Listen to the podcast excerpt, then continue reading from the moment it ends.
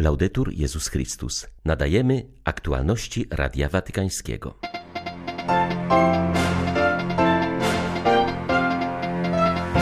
Wojna sama w sobie jest zbrodnią przeciwko ludzkości, mówił papież na Anioł Pański. Franciszek wezwał, by modlić się o pokój i wychowywać dla pokoju oraz nie zapominać o cierpiących mieszkańcach Ukrainy i Ziemi Świętej. Z dużym echem spotkał się papieski apel o wprowadzenie ogólnoświatowego zakazu macierzyństwa zastępczego. O jego wystosowanie prosiły Franciszka dorosłe już dziś osoby, które urodziły się w wyniku praktyki surogacji. Jeśli grzech nie jest dziś już grzechem, nie potrzebujemy zbawiciela, to jest kwestia Ewangelii, podkreśla brytyjski naukowiec zwolniony z pracy na uczelni za wpis w mediach społecznościowych na temat homoseksualizmu w kontekście grzechu i Ewangelii. 14 stycznia wita Państwa Beata Zajączkowska. Zapraszam na serwis informacyjny. Wiara nie jest teorią, lecz spotkaniem z Jezusem i przebywaniem z Nim. Papież Franciszek mówił o tym w rozważaniu na Anioł Pański, w którym wyszedł od pytania, co to znaczy być uczniem Pana.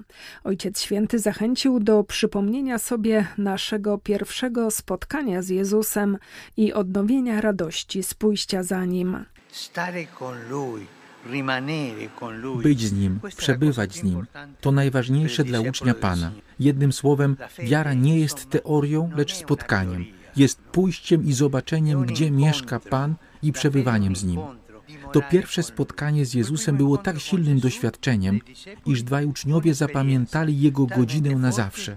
Ich serca były tak przepełnione radością, że natychmiast poczuli potrzebę przekazania otrzymanego daru.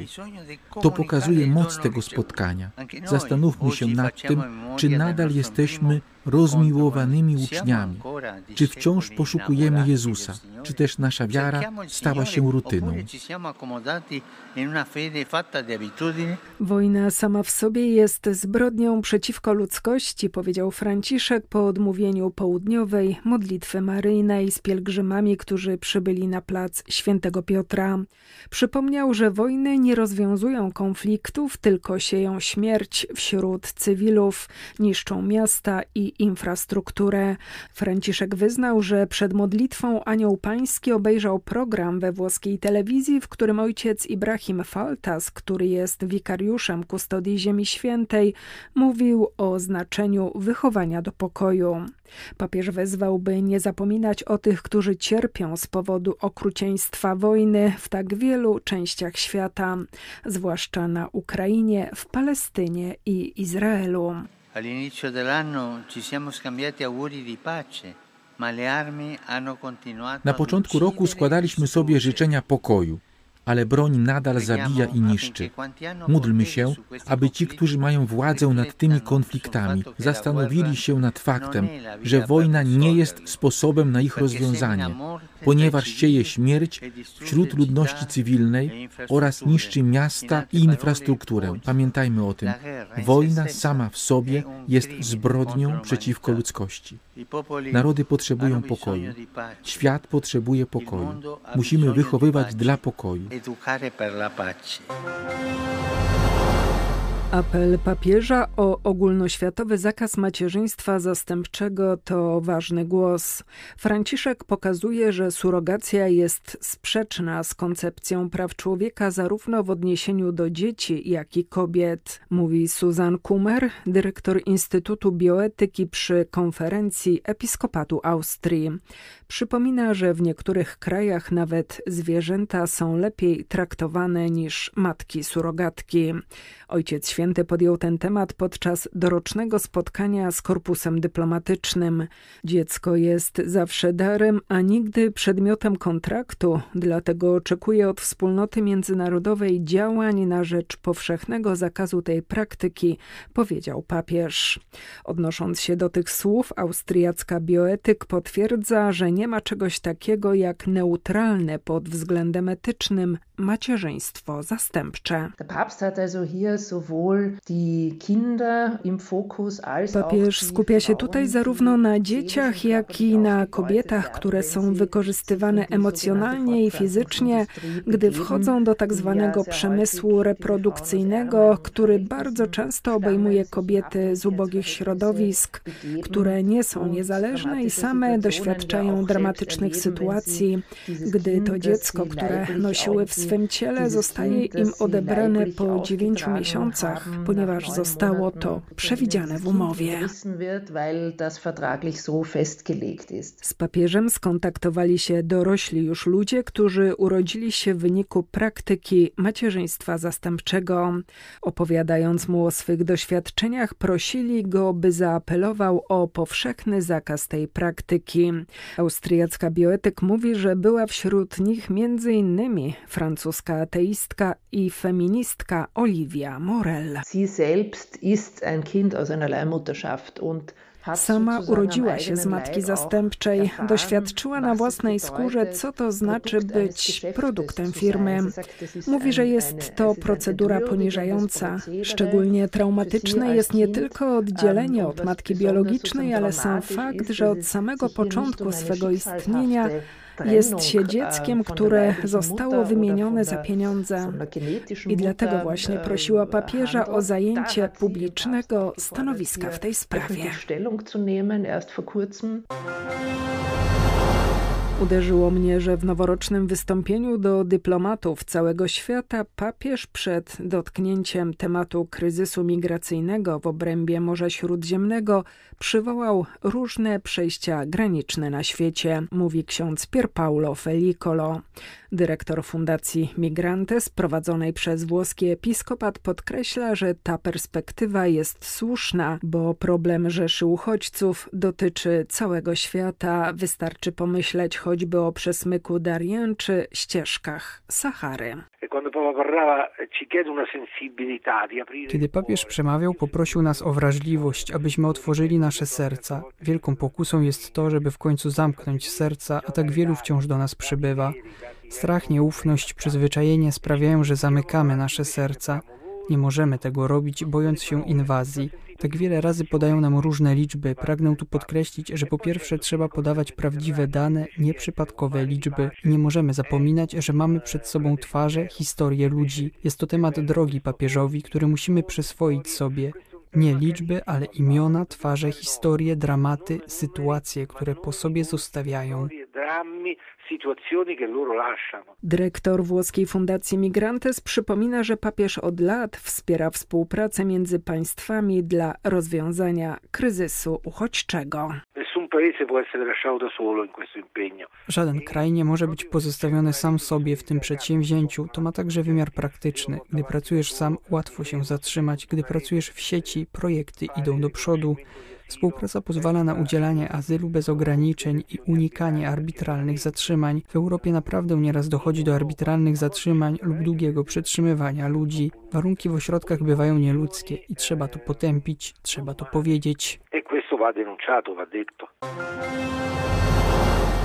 Wciąż wierzymy w Boga i w to, że zdarzy się cud, ale rozglądając się wokół nie widzimy powodu do nadziei. Mówią młode Tigrajki mieszkające obecnie w Addis Abebie. Etiopski kościół ortodoksyjny obchodził Boże Narodzenie 7 stycznia, ale pomimo celebracji świąt pochodzący z ogarniętego do niedawna wojną regionu nie przeżywają tego czasu zbyt radośnie. Często w stolicy kraju odczuwają dyskryminację i niesprawiedliwość wielu ludzi pozostaje rozdzielonych z bliskimi. Część terytorium Tigraj znajduje się ciągle pod okupacją sił erytrejskich, które w czasie wojny były sprzymierzone z armią etiopskiego rządu centralnego. Liczbę ofiar śmiertelnych całego konfliktu szacuje się na 600 tysięcy. Mnóstwo ludzi wciąż przeżywa więc żałobę. Ten północny region kraju boryka się również z odbudowaniem gospodarki po wojnie, więc wielu wyjeżdża do Addis Abeby, aby móc znaleźć pracę i jakiś zarobek. Tam doświadczają jednak dyskryminacji także ze strony policji. Zarówno w stolicy, jak i w Tigraj większość mieszkańców należy do etiopskiego kościoła ortodoksyjnego. Jednak nie pomaga to w pojednaniu, ponieważ z czasem niektórzy hierarchowie oraz duchowni zwrócili się przeciwko mieszkańcom zbuntowanej prowincji. Prowadzono działania uderzające w lokalnych kapłanów. Byliśmy nękani, zatrzymywani i zabijani z powodu naszego pochodzenia etnicznego. Ponad tysiąc tigrajskich księży i diakonów zawieszono w obowiązku obowiązkach nie mogliśmy już przyjmować komunii, wyjaśnia Lisanewer Gdesta, teolog, który właśnie został przywrócony do posługi po sześciokrotnym uwięzieniu i torturach. Do zgody potrzeba więc obecnie przyznania się do błędów, zaznacza mężczyzna. Seminarzyści diecezjalni we Francji w dużej mierze cenią sobie katolickie tradycje. Za zgodą episkopatu przeprowadzono specjalne badanie wśród kleryków z całego kraju, którzy spotkali się na rekolekcjach. Prawie połowa ma nadzieję nosić sutannę regularnie w swoim przyszłym kapłańskim życiu. Bardzo ważne jest dla nich pogłębianie życia sakramentalnego i ewangelizacja. Równie spory odsetek wskazał, iż miał kontakt z nurtem tradycjonalistycznym. Większość nie widzi problemu z mszą w nadzwyczajnej formie rytu rzymskiego czyli sprzed reformy Soboru Watykańskiego II, choć tylko mała część pragnie tak odprawiać. 39% z przebadanych seminarzystów wskazało na swój szczególny szacunek do papieża Benedykta XVI. W tym samym momencie ankietowani klerycy nie pozostają skupieni na przeszłości, ale doceniają obecny Kościół. 83% z nich potwierdziło, że odczuwają swoistą bliskość w odniesieniu do papieża Franciszka. Zdecydowana większość, 99%, popiera też Sobór Watykański II. Jako podstawę swojego przyszłego kapłańskiego życia widzą posługę sakramentalną.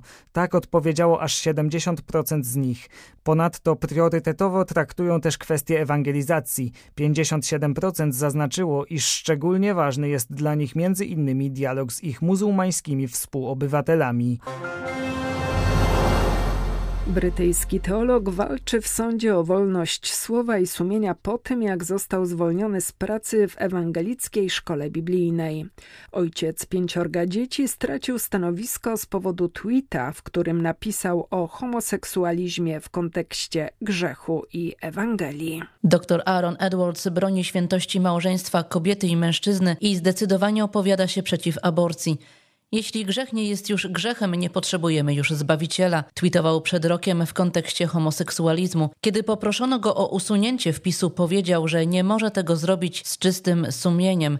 Wówczas został zawieszony w pełnieniu obowiązków, następnie zwolniony za, cytuję, kompromitacji uczelni. Mówiłem o ewangelicznym tchórzostwie, polegającym na tym, że nie przeciwstawiamy się temu, co jawnie dzieje się w obliczu agresywnej laicyzacji, inwazji na Kościół. Głównym powodem tego, co teraz robię, jest podniesienie świadomości na temat tej kwestii i dochodzenie sprawiedliwości. Specyfiką tej sytuacji jest fakt, że konflikt rozgrywa się pomiędzy instytucją opartą na wierze, a jednym z jej pracowników. To tak, jakby świat wszedł do kościoła, do instytucji chrześcijańskiej, wszedł między tych, którzy powinni być braćmi i siostrami w Chrystusie. Wcześniej w artykule na łamach Premier Christianity dr Edwards napisał: Istnieją pewne zasady, których chrześcijanom nie wolno już deklarować nawet wobec innych chrześcijan. Jednak kiedy przekonania religijne pozostają niewyrażone i niestosowane w życiu, ulegają erozji. Uwierzyliśmy, że mówienie stanowcze o grzechu jest brakiem miłości. Jest zupełnie odwrotnie. Jeśli nie wyjaśniamy niewierzącym, jaka jest powaga grzechu, podważamy samą Ewangelię, która mogła ich zbawić. Dla Radia Watykańskiego Elżbieta Sobolewska-Farbotko, Radio Bobola, Londyn. Były to aktualności Radia Watykańskiego. Laudetur Jezus Chrystus.